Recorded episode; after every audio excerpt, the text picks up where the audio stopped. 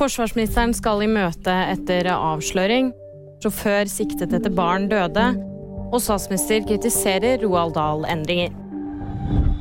Forsvarsministeren møter forsvarsledelsen og tillitsvalgte tirsdag. Møtet skal dreie seg om varslersakene i Forsvaret og utfordringer med seksuell trakassering. Bakteppet er NRKs avsløring av utbredt seksuell trakassering og overgrep i Forsvaret. En sjåfør er siktet etter at et barn døde i en påkjørsel. Sjåføren er nå siktet for brudd på veitrafikkens paragraf 3, som handler om at man skal vise hensyn mot dem som oppholder seg ved veien. Et lite barn under to år døde etter at det ble påkjørt i et garasjeanlegg i Bærum fredag forrige uke. De involverte i ulykken er i familie. Den britiske statsministeren kritiserer endringene i Roald Dahl-bøkene. Roald Dahls bøker skal renskes for krenkende ord, og ord som tjukk og stygg forsvinner. Endringene skjer i Storbritannia, og bøkene skal også endres i Norge.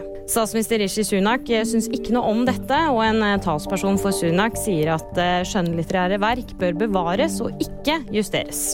Og VG-nyhetene de fikk du av meg, Kaja Marie Andreassen.